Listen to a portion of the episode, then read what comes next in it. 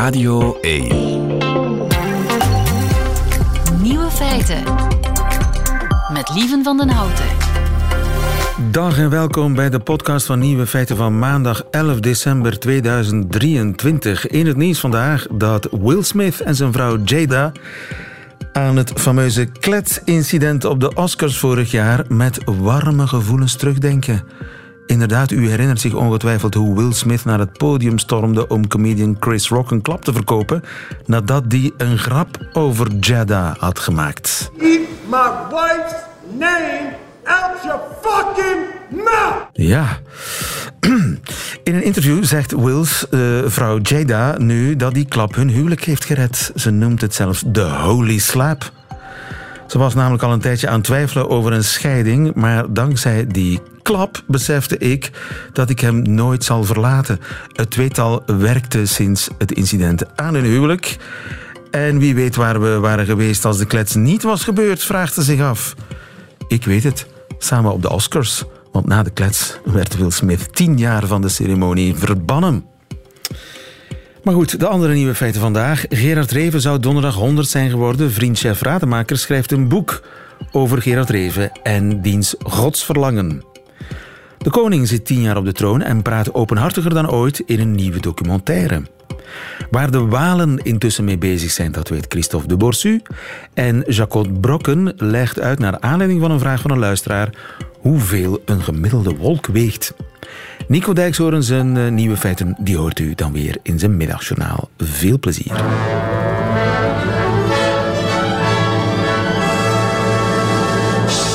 Nieuwe feiten. De koning, zoals u hem nog nooit gezien heeft, volgende week op uw scherm. Jo de Poorter, goedemiddag. Goedemiddag. Jo, je bent uh, koningshuiskenner. En onze koning zit tien jaar op de troon. En naar aanleiding daarvan is hij kennelijk een jaar lang gevolgd door een cameraploeg. Een Franstalige cameraploeg. Dat is toch een merkwaardige openheid, hè? Ja, dat is iets wat. Maar het is, um, het is een beetje accidenteel gebeurd. En de, de openheid die hij nu aan de dag legt, is eigenlijk niet bedacht, maar is door de omstandigheden gekomen. Dus de man die het, uh, het programma maakt, Nicolas Delvaux, had gevraagd om toch gesprekken met de koning te hebben, uh, weliswaar die hij niet zou gebruiken, en of hij die gesprekken op zijn telefoon kon opnemen. Die ja. man heeft die toelating gekregen en heeft een aantal van die gesprekken opgenomen en heeft bij het beluisteren van die gesprekken gedacht: hé, hey, hallo, maar nee, dit is het programma. Dit is wat nieuw is en nooit gebeurd is. Heeft toen aan het paleis gemaakt: mag ik die gesprekken gebruiken? Daar hebben ze dan een beetje over geknabbeld.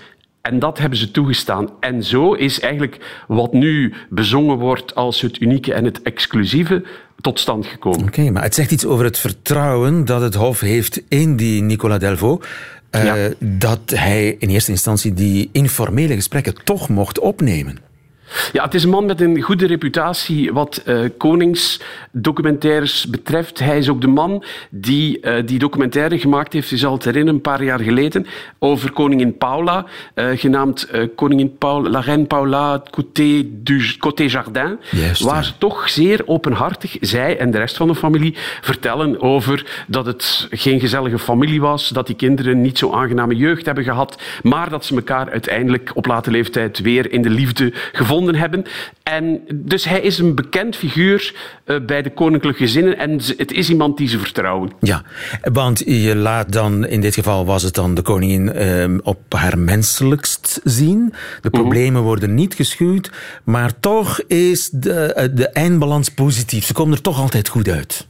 Ja, dat is natuurlijk omdat ze ook bij deze documentaire, vrees ik dat het zo zal zijn, opdat de eindcontrole uh, toch wel bij het paleis weer ligt en dat de koning lekker kan babbelen en zijn hart uh, op zijn mouw kan, kan brengen, maar dat er uiteindelijk toch mensen zijn die aandachtig, aandachtig luisteren en voor de eindmontage kunnen zeggen dit willen we wel en dit willen we niet in het programma. Op die manier kunnen we de koning horen praten zoals we hem nog nooit hebben horen praten, namelijk ontspannen alsof er geen camera bij is. Hier antwoordt hij op de vraag over zijn moeilijke jeugd. Et le regard des gens, euh, pas évident. Qui jugent, qui... À l'école, tout ça, c'est. C'est dur. J'étais autre, quoi. J'étais un peu différent. Mais j'étais pas très sociable. J'ai pas, pas euh, ouvert. Ça s'est passé beaucoup plus tard. En fait, j'ai été, entre guillemets, en paix avec ça le jour où je suis devenu roi. Ja, hij praatte over zijn moeilijke jeugd, hoe hij naar een gewone school is gegaan en iedereen hem daar bekeek als een soort buitenaards wezen. Hij was niet de, de meest sociale. Ja, het is effectief een, een zeldzaam ontspannen, introspectieve koning die we, die we hier horen. Hè? Ja, en wat, je, wat, wat mij ook erg geraakt heeft, is dat het, dat, het een heel, dat het nog meer een tragisch figuur is dan we hadden gedacht, of dan je zou denken. Een man die nu publiekelijk volgende week op de televisie zal vertellen dat hij pas zichzelf geworden is op 53-jarige leeftijd, toen hij de troon is bestegen. En dat meer dan die halve eeuw die daar uh, vooraf aan ging, dat hij gekwetst en gekweld en niet zichzelf zou, kon zijn. Dat is wel heel erg. Ja, en wel vreemd dat een koning zich zo kwetsbaar toont. Ja, maar die. Ik, kijk, op basis, ik spreek nu op basis van een aantal fragmenten van het programma wat ik gezien heb. Maar volgens wat hij daarin vertelt, is die kwetsbaarheid een belangrijk deel van zijn identiteit en zijn kracht. Dat is heel merkwaardig. Hij noemt zijn kwetsbaarheid als iets wat hij deelt met andere mensen, waardoor hij zijn volk beter begrijpt en zijn volk beter kan helpen. Dat is een hele hippe, hedendaagse visie op bekend zijn, hè? Dat is, dat is iets heel... Dat is al, als je alle recente handboeken die ik toevallig daarover wel gelezen heb, op, erop naslaat, dan is kwetsbaarheid is de nummer één kwaliteit van een leider van dit moment. Kijk eens aan. Nu, dat is allemaal in het Frans. Dan hebben we een probleem, hè? want de koning moet ook eh, de Nederlandstalige mensen aanspreken, ja. toch? Hoe hebben ze dat, dat opgelost? Dat is weer een grappige uh, Belgische kwestie. Dus het is een, gewoon een Franstalige documentaire die door Franstalige... Die filmer spreekt ook geen Nederlands. En toen hebben ze ook op een bepaald moment bedacht... Oei, de VRT gaat dit ooit eens uitzenden. Dus uh, de koning zei, ik moet die quotes ook in het Nederlands doen. Wat is er dan gebeurd? Er is een heel mooie VRT-stem die de maker in het Nederlands nadoet en die vragen in het Nederlands stelt. En dan hoor je de koning die de vragen die hij ooit eens een keer inhoudelijk in het Frans heeft beantwoord, nu ik denk, van een briefje afleest en in zijn beste Nederlands probeert naar... Maar je hebt dan dubbel, dubbel gespeeldheid, want je hebt de gespeelde interviewer die er niet was en de koning die eigenlijk niet antwoordt op een vraag, want die vraag is nooit in het Nederlands gesteld. Dus als je die twee naast elkaar legt, hoor je wel een groot verschil tussen de natuurlijkheid van het Frans Franse en de toch meer gemaaktheid van het Nederlands. Bent u ook niet enorm gevoelig? Volgens mij is iedereen gevoelig. Elk mens gaat door moeilijke periodes. Is gekwetst geweest door anderen. En ik denk dat uh, als men weet dat wij allemaal ergens gekwetst zijn, uh, dan kan men eigenlijk uh, zijn eigen problemen relativeren, maar zijn eigen problemen ook gebruiken om de anderen te begrijpen en te, en te helpen. Oké, de Nederlandstalige versie van de koning is net ietsje minder spontaan dan de Franstalige. Conclusie, ja, ik durf het bijna niet zeggen, maar we moeten eigenlijk naar de RTBF kijken. Wel, kijk, je hoort, ik weet niet of het je opgevallen is, er zat telkens een piano onder, maar in de Nederlandstalige versie waren ook spelende kinderen op de achtergrond. Maar eh, ik denk dat je naar de Franstalige versie die vrijdag wordt uitgegeven... Het, is in, het zal interessant zijn sowieso, en dat is dan extreem Belgisch, om de twee versies naast elkaar te leggen. Dus eerst kijken vrijdag en dan volgende maandag kijken naar de VRT. Tien jaar op de troon, eh, onze Filip. En er is een, uh, een, nieuwe documentaire klaar. Die wordt uitgezonden vrijdag op de RTBF en volgende week maandag op de VRT. Jode Porter, dankjewel. Goedemiddag. Goedemiddag. Nieuwe feiten. Coucou de Namur. Met Christophe de Borsu. Ja, het blijft grijs en koud en nat. Maar hier is Christophe de Borsu met de Waalse zon. Goedemiddag, Christophe. Was het maar waar. Dag lieve, coucou de Namur. Geen namen vandaag. Maar voor de laatste keer in 2023, mijn hart breekt op voorhand, maar niet te snel. Wij hebben nog een paar minuten samen. Ten eerste, trouwens, lieve, proficiat aan de VRT voor de fantastische reportage van anderhalve week geleden in Pano over knokken. De kuststreek zou blijkbaar in handen zijn van Imo Makelaars, onder andere Paul Gijsens in Knokken en Bart Versluis in Oostende. Uh, en op dat gebied, twee jaar geleden, heb ik een lange reportage gemaakt over een paar rijke Belgen. Een van hen was juist Bart Versluis, de man achter de nieuwe wijk Oosterhoever in Oostende. In mijn stuk zei Heerst dat hij de hoogste building van Oostende wilde bouwen, hoger dan de huidige hoogste, het Europa Centrum, onder drie meter boven de grond. Sorry, sorry u hoort zijn Franse stem, het interview wordt gedupt. Zo gaat het op de Franstalige tv. On va construire ça un peu plus par là. Le plus haut immeuble de la côte, quelle hauteur? Je pense 130, 140 mètres. Les bâtiments élevés sont des icônes dans une ville. Exemple, à Dubaï, le Burj Khalifa, on en fait des milliers de photos chaque jour. Notre immeuble frappera les imaginations. Ja, hij wilde een toren bouwen van 140 meter hoog, want dat moet. Want uh, hoge gebouwen, dat zijn de iconen van een stad. Kijk maar naar Dubai, de Burj Khalifa. Ze maken daar duizenden foto's per dag van. En ons gebouw zal uh, iedereen met verstomming slaan. Voilà, dus Oostende zoals Dubai, leuk vooruitzicht. Daar, uh, daarna vroeg ik Bart Versluis waarom er meer rijken waren in Vlaanderen dan in Wallonië. Dit was zo'n nogal raar antwoord. Ik denk misschien dat... Je pense que le plus grand problème de la Wallonie, c'est l'ambition. Vooral... L'ambition doit être stimulée. Si vous voyez d'autres avec des plans très ambitieux, vous allez être stimulé pour faire la même chose. Mais la Wallonie est une région relativement étendue avec beaucoup de bois et beaucoup de zones vertes. Les gens sont donc moins motivés à faire ce que leurs voisins font parce qu'ils ne voient pas beaucoup de voisins. Ah ja, je ziet, je ziet ja, weinig te buren, te veel bossen. En als je geen buren ziet die een hogere toren hebben, dan ben je niet gestimuleerd om een nog hogere toren te bouwen. Dat is eigenlijk voilà. het Waalse probleem, samengevat. Absoluut. Van, uh, zeg maar, Christophe, jij hebt toch ook de bekendste Vlaming in Wallonië onlangs ontmoet, dacht ik. Ja, lieve, hij is ondertussen 86 jaar oud. Hij spreekt altijd perfect Frans. Nog beter dan zijn zoon Alexander. U hebt het al geraden, zijn naam is Herman de Croo. Hij is totaal, in totaal 51 jaar parlementslid geweest en is nog altijd even populair in Wallonië. Voor ons is hij de perfecte Vlaming, namelijk iemand die ons zegt dat we goed bezig zijn en dat het land nooit splitst. Wel, nu, vader De Croo is alles behalve afgeschreven. Op 9 juni volgend jaar zal hij hoogstwaarschijnlijk nog eens meedoen aan de verkiezingen. Toegegeven, hij blijft een beetje vaag in zijn antwoord, maar volgens mij komt het neer op een ja. Je suis membre de mon parti depuis une soixantaine d'années. Je suis membre du bureau de mon parti élu presque une soixantaine d'années aussi. Je suis un serviteur de mon parti. Donc vous êtes si quand même mon parti très près d'être candidat. a besoin hein. de moi, voilà. je serai là. Si mon parti croit que je suis plus nécessaire, je ne serai pas là, mais je ferai la campagne. Oké. Okay. Voilà, ja. Als mijn partij mij nodig heeft, doe ik mee, anders niet. Maar ik zal campagne voeren. Ja, hij doet mee, lieve. Dat is uh, quasi zeker in de jongste peiling van RTL is Open VLD trouwens goed uh, voor maar 8% van de kiesinstanties een stemmen kan om als Herman de Croo aan de kant te laten, zou toch zeer bizar zijn. Hè? Ja, en overigens, uh, over politiek gesproken, Bart de Wever mm -hmm. heeft vorige week aangekondigd dat de N-VA in Wallonië wil opkomen. Ja, dat klopt. Hè. Dus uh, de zoveelste stunt van de, NV, de, van de NVA, uh, ik heb het moeilijk om de NVA uit te spreken, van de NVA, Nieuw-Vlaamse Alliantie, die veel ophef heeft gemaakt in Wallonië. Op straat zijn de mensen het vaakst terughoudend, moet ik wel toegeven.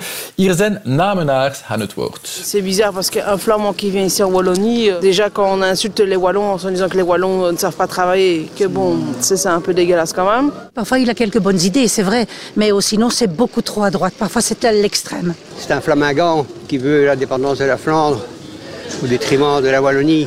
Donc euh, je pense pas que les gens vont voter pour lui. Quoi. Ja, deze man denkt niet dat hij veel stemmen zal halen, want hij is voor een onafhankelijk Vlaanderen. Soms heeft hij wel goede ideeën, maar het Ah, is voilà. toch een beetje Toch. te rechts, vond die mevrouw. En iemand anders vond het toch heel bizar dat een Vlaming in Wallonië opkwam. Zeker een Vlaming die de Walen al beledigd heeft. Vat ik het zo even goed samen? Zegt ze, dat dat is perfect samengevat en perfect vertaald, zoals altijd bij jou, lieven. Uh, nu, ja, er zijn natuurlijk positievere Walen. Uh, Mine Rechamp, een Vlaamse politoloog die voor de Waalse Universiteit van Louvain-la-Neuve werkt, gelooft wel in de kansen van de NVA in Wallonië op één voorwaarde. S'ils souhaitent en fait euh, réellement euh, aller chercher des sièges, il les gagnera davantage en racontant l'histoire d'être un parti de droite conservatrice d'une certaine façon, qui est peu présent d'une certaine façon côté uh, francophone, que s'il raconte l'histoire du confédéralisme. Ja, dus als hij het over confederalisme heeft, zal het niet lukken, maar hij is wel sympathiek. Hij komt sympathiek over in Wallonië, Bart de Wever. Ik heb onlangs een programma, een zending met hem gemaakt, dat heeft uh, fantastische cijfers behaald. Dus ja, waarom niet? Uh, en zelf moet ik wel zeggen, ik kan natuurlijk niet zeggen of ik al dan niet op hem zou stemmen, maar ik denk eerlijk Ik wou het net vragen. Ik wou het net ja. vragen, Christophe. voilà, dus dat is soms lastig, hè, dat journalisten uh, op de vragen vooruit lopen. Dus ja, ik kan niet op antwoorden op die vraag, zou ik op de NVA kunnen stemmen, maar uh, ik denk, lieven, eerlijk gezegd, dat de NVA niet in Wallonië zal opkomen, want er blijft toch zeer weinig tijd op degelijke kandidaten te vinden. En Bart de Wever is in elk geval in zijn opzet geslaagd. Nou, iedereen spreekt opnieuw over hem en over zijn partij bij ons onder de taligheid. Dus opdracht volbracht. Hadden jullie ook zoveel last van de treinstaking vorige week in Wallonië? Want ja, dat bindt ons land natuurlijk ook, hè, de NMBS. ja, en de treinstaking in hoofd, inderdaad. Vorige week precies uh, dezelfde staking aan beide kanten van het land. Dezelfde gevolgen. Maar het kon deze jonge vrouw het lukt absoluut niet beroeren. Zij neemt nooit de trein. Haar reactie is kort, maar denk ik toch grappig. Vous prenez jamais le train, vous Jamais. Jamais Jamais. Mais vraiment jamais Jamais. Jamais, jamais Parce que j'ai une voiture et que j'aime pas le train. C'est lent et ça pue. Il y a trop de gens Oui. Vous n'êtes jamais dedans, comment vous le savez Je ne prends jamais le train. Alors comment vous savez que ça ne sent pas bon Parce que j'ai pas envie de prendre le train. Oké, okay, ja. geen goesting, te veel volk, ah, nee. het stinkt, het is traag, ik heb een auto? Voilà, Daar komt het eigenlijk voilà. op neer. Ik heb toch mijn best gedaan, maar dat lukt nooit. Zij, ze zal nooit de trein nemen. En ja, er was een staking die dag, dus ze had wel een mooi excuus. Ten slotte, lieven, ons traditioneel raadsel. Wie is deze meneer die in perfect Frans spreekt?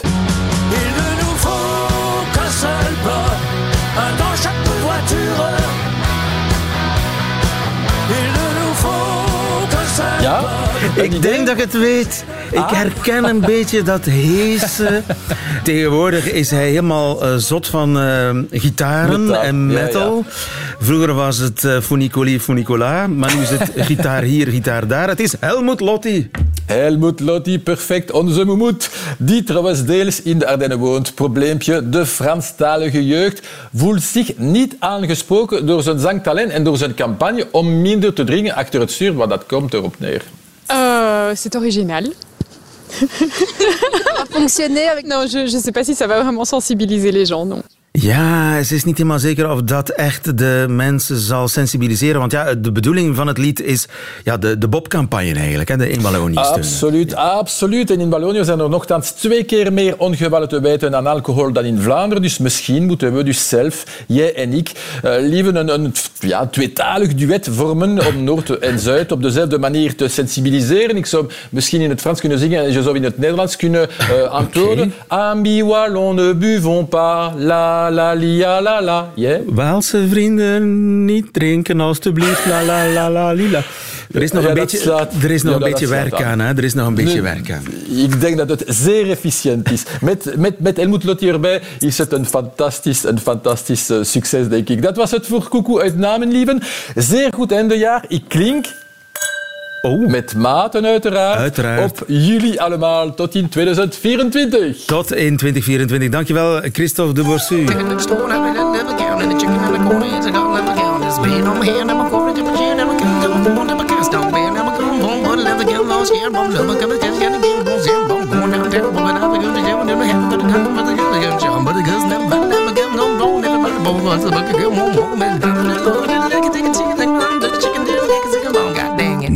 Feiten. 100 jaar Gerard Reven vieren we deze week. De schrijver zou donderdag 100 zijn geworden.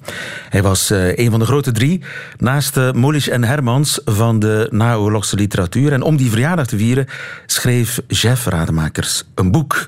Een boek over het geloof van de schrijver. Een boek dat heet Gerards Godsverlangen. Goedemiddag, chef. Goedemiddag, lieven. Jeff Rademakers op Curaçao. Je ligt nog in bed, het is nog heel vroeg. Ja, het is half acht hier.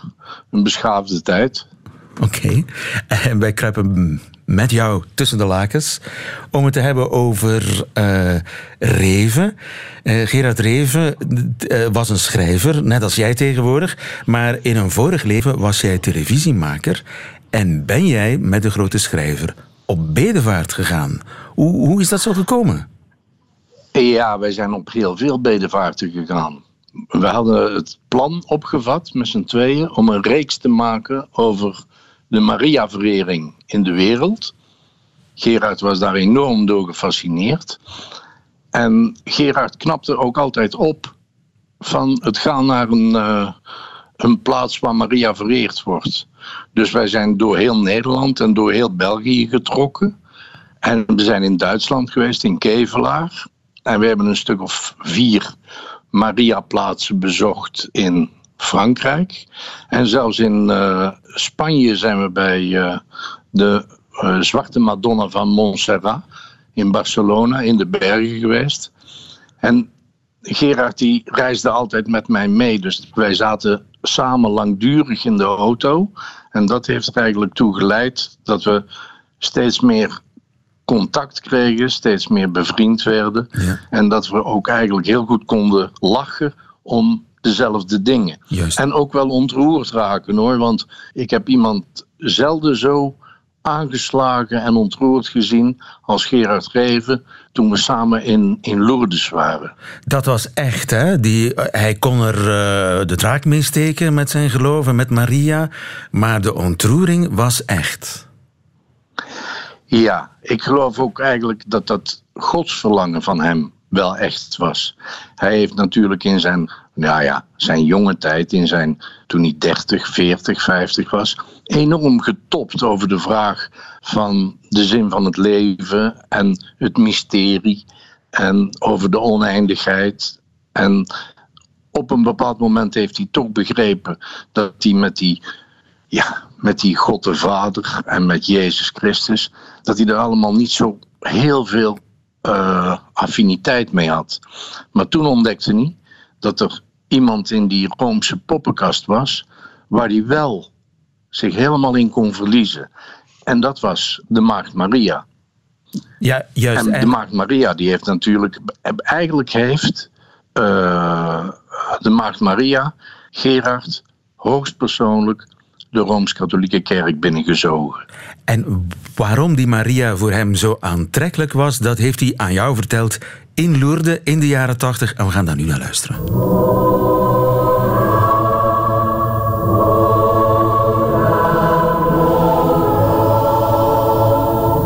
Zij stelt geen voorwaarden, zij is geen rechter. Iedereen die tot haar komt, in volledige overgave, die wordt door haar niet afgewezen. Ze heeft nog nooit iemand afgewezen. En haar voorspraak kan, uh, kan nooit falen. Volgens de traditie uh, kan hij haar niet zwijgeren. Toch is hij niet de makkelijkste thuis, hè? Ach, hij is wel humeurig. Maar zij heeft al eens tegen me gezegd... je moet je van die zenuwleier van een zoon van me niet te veel aantrekken. En als er nou wat is, dan kom je woensdag, dan gaat hij vissen. En dan is hij die boel op de bromfiets aan het laden. En dan heb ik een heleboel papieren liggen, die moet hij tekenen. Voor hij de deur uit gaat, dan moet ik dat tekenen. Ja, moet je tekenen. En dan teken ik dat allemaal. En dan is de zaak rond. Verlaat je nou maar op mij. Dat zegt ze tegen me. Ja.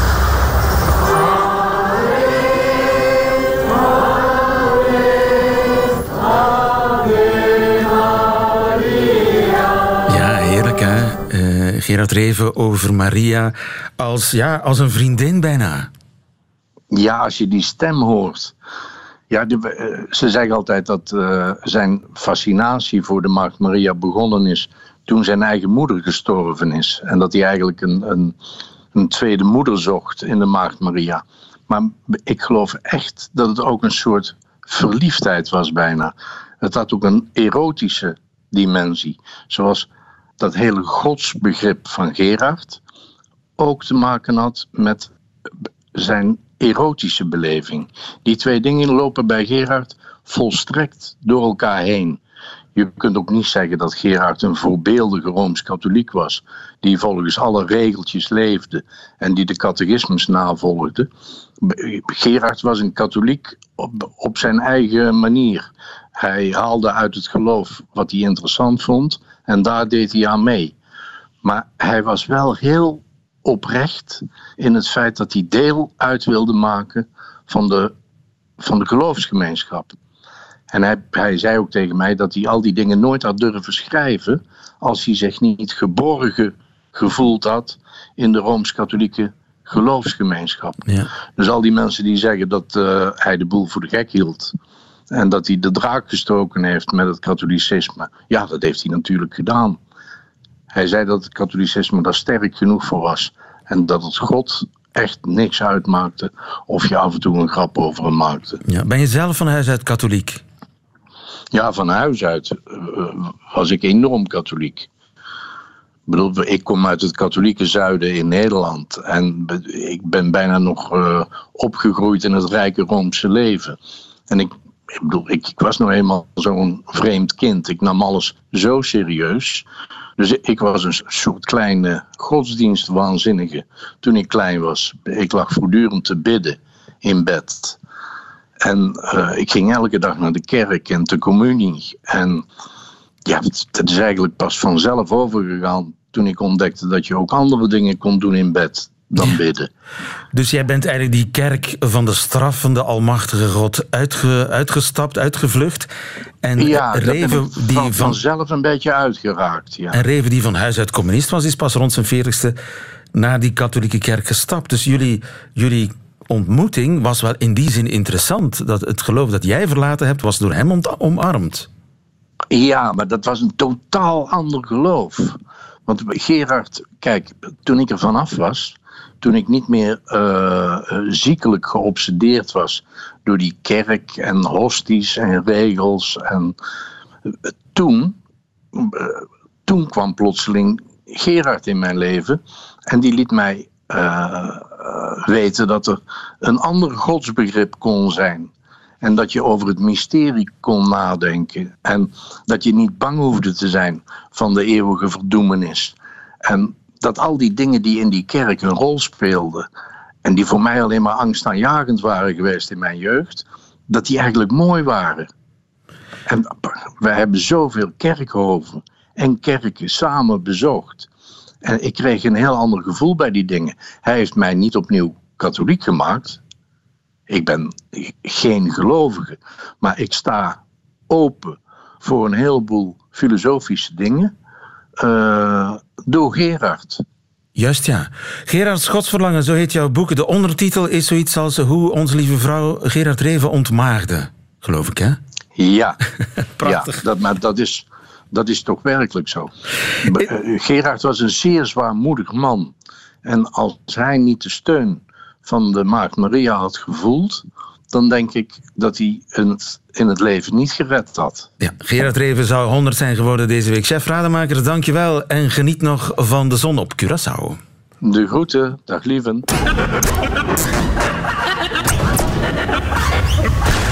Nieuwe feiten. Niet alleen vragen aan relatiedeskundige Rika Ponet zijn welkom bij Nieuwe Feiten. Vragen aan om het even wie. Die hier af en toe langskom, langskomt. Jacot Brokken bijvoorbeeld. Dag lieve, Dag goedemiddag. eh, Jacot en fijn dat je hier bent. Want ik heb een vraag voor jou. Spannend. Gekregen van Tina. Tina vraagt zich af. Beste mensen van Nieuwe Feiten. Weer mannen en weer vrouwen die hebben het altijd over zware bewolking of licht bewolkt. Alsof de ene wolk zwaarder zou zijn dan de andere. Maar misschien is dat ook zo. En nu ik eraan denk, hoe zwaar weegt een wolk eigenlijk? Tina, dankjewel voor je vraag. Fantastische vraag Ja, eigenlijk. hè? heel goede vraag. Want ja, een wolk, dat is zo... Ja, dat is een wolk, hè. dat is zo licht, dat is dat lijkt te zweven zweeft, boven dat ons. is Ja. efemeer, dat is... Ja, misschien beginnen bij, bij het eerste deel van haar vraag. Waarom spreken we over zwaar? eh, eh, ja, zwaar, hè? Ja, ja. Zware bewolkt. waarom spreken we over is dat zwaar letterlijk en zwaar en letterlijk licht? Nee, dat, dat gaat eigenlijk over hoe hard de hemel is dichtgeplaveid of geplamuurd met allemaal wolken. Eh, als we spreken over een hemel die helemaal bewolkt is, spreken we over zwaar bewolkt. Terwijl licht bewolkt gaat dan over wat minder wolken. En daar bestaat een hele schaal voor. Dus zeg niet zomaar zwaar bewolkt of of zelfs bewolkt. Want dat betekent ehm, hoeveel percentage van de lucht er wolken bevat. Dat is een hele nomenclatuur Ja. met zwaar bewolkt, bewolkt, licht, Licht bewolkt, bewolkt, zeer licht bewolkt. half bewolkt, Dat, ja. dat- daar heb jij op school over geleerd. Ja, absoluut. Of ja, in, in boeken over gelezen. Ja, ja dat, dat heeft dus niks met het gewicht van die wolk te maken, maar met het aantal wolken. Dat is overdrachtelijk. Mhm. Maar die tweede vraag vind ik eigenlijk nog interessanter. Hoe absoluut. zwaar weegt een wolk? Heb je een gokje, lieven? Drie kilo. Drie kilo. Ehm, dan gaat dat Ik vind een- wolk van drie kilo ik vind dat al heftig. Dat is al heftig, ja, ja dat zijn al, al drie pakken meel, dat is al, dat is al best veel. Eh, nee, een, een wolk van drie kilo, dat zou een hele kleine wolk zijn.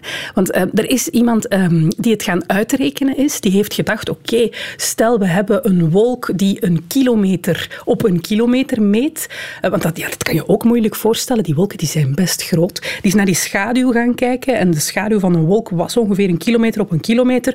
Laten we er dan van uitgaan dat het ook nog een kilometer groot is, dus kubieke kilometer. Het lijkt heel veel, maar eigenlijk is dat een normale Ja, wolk. het is een normale wolk, een doorsneewolk. Die is dan gaan denken, ja, hoeveel waterdruppeltjes zitten daarin? Hoeveel weegt een waterdruppel? Die is dat gaan uitrekenen en is tot de constatatie gekomen, een gemiddelde wolk weegt, hou je vast, 500 ton. Dat zijn, om het eventjes visueel te maken, hoewel visueel, eh 100 olifanten. Dus stel je die ook eventjes voor, die passen allemaal in zo één doorsnee eh, cumuluswolk, moet ik dan wel zeggen. 500.000 kilo. Correct. Voor een gemiddelde wolk. Ja. Dus de, er zijn er nog veel zwaardere. Ja, ja, ja, absoluut. Ja, we spreken over een gemiddelde cumuluswolk, zo echt de klassieke schapenwolkjes die je tekent. Hè. Eh, maar een, een stratuswolk bijvoorbeeld, van die uitgestrekte strepen, die zijn dan natuurlijk ietsje dunner en, en ietsje lichter in gewicht. Eh, maar de grote donderwolk, de cumulonimbus, die is nog groter natuurlijk. Die gaat echt helemaal in de hoogte verder. Dus dat is eigenlijk een van de zwaarste wolken die er bestaan. Plus, ja, daar zit heel veel circulatie in die wolk. Dus de, de waterdeeltjes die daarin zitten, die coaguleren allemaal tot grotere waterdeeltjes of tot, tot hagelbollen. Dus zo'n cumulonimbuswolk, dat gaat ja, meer dan 500 ton zijn, alleszins. Ja. Hoe blijft dat hangen? Ja, dat is ook heel bizar. Blijven die, hoeveel olifanten waren het? 100. 100 olifanten. Hoe, hoe blijven die in de lucht? Ja, die hangen daar maar. Dat komt natuurlijk, dat heeft met dichtheid te maken. Hè. Stel je voor een glas water, je doet daar een laagje eh, olie op. Die olie blijft ook drijven, want die dichtheid is lager. Eh, dat is ook zo met wolken. Een wolk is eigenlijk iets heel luchtig, ook al weegt het zo zwaar. De dichtheid daarvan is eh, lager dan die van de lucht die eronder zit. Lucht die ook warm is, dus die daar blijft, terwijl dat de wolken daar mooi op kunnen zweven.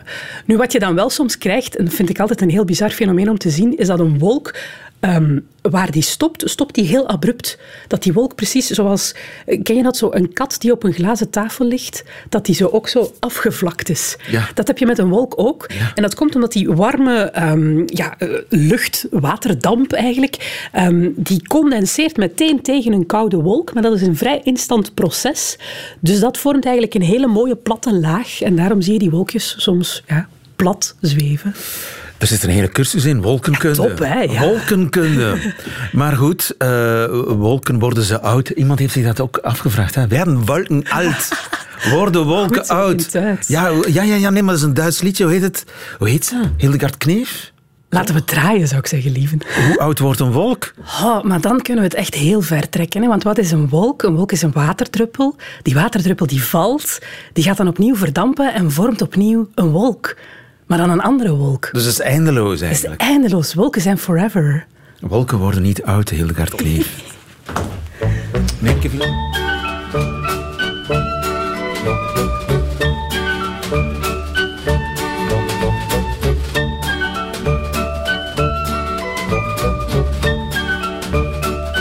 werden Wolken alt, sind Fliegen dumm, ist Grönland kalt. Und wenn, warum sprechen Enten im Schlaf? Wird der Mond auch mal müde? Sind Grashalme einsam? Und wer macht den Himmel trübe?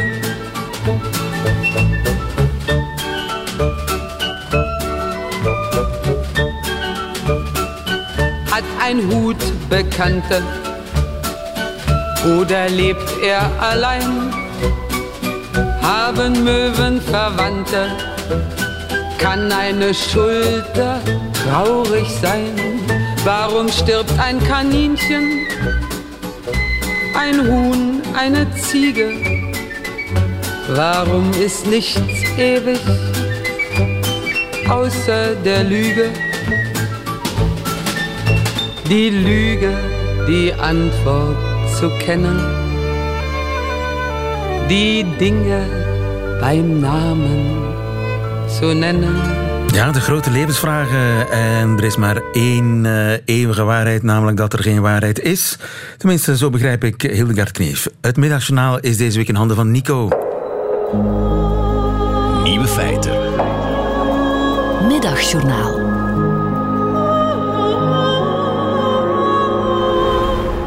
Beste luisteraars, ik ben niet handig. In ieder geval niet handig op een manier zoals ik dat het allerliefst zou willen zijn. Handig met mijn handen. En dat ik die handen heel liefdevol langs een stuk hout laat glijden.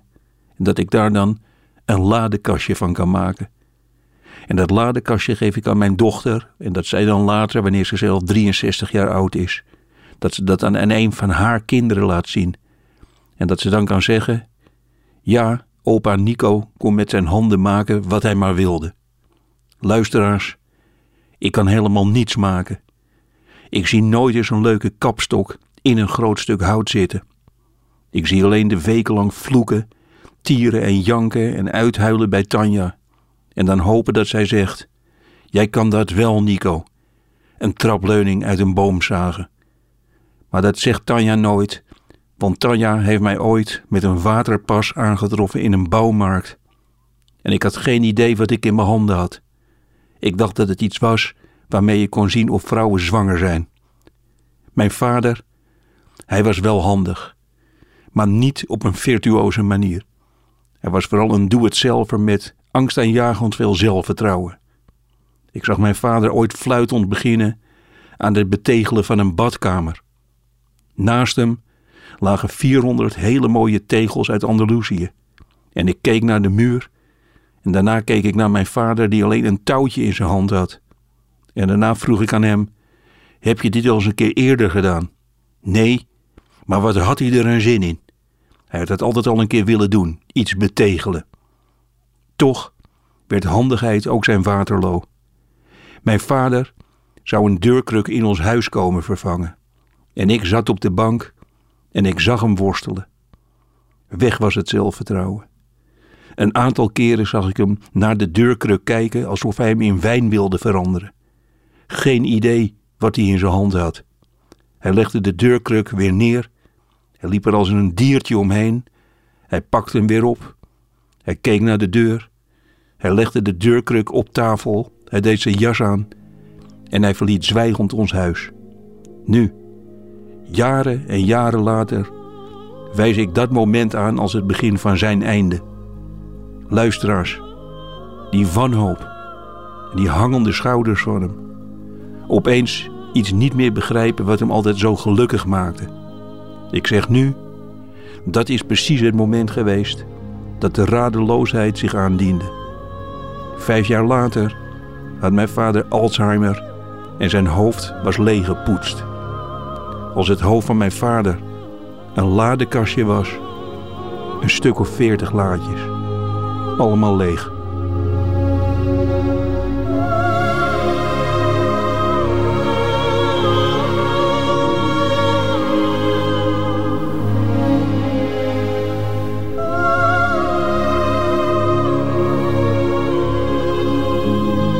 Nico Dijkshoorn over de Alzheimer van uh, zijn vader in het middagjournaal. Einde van deze podcast.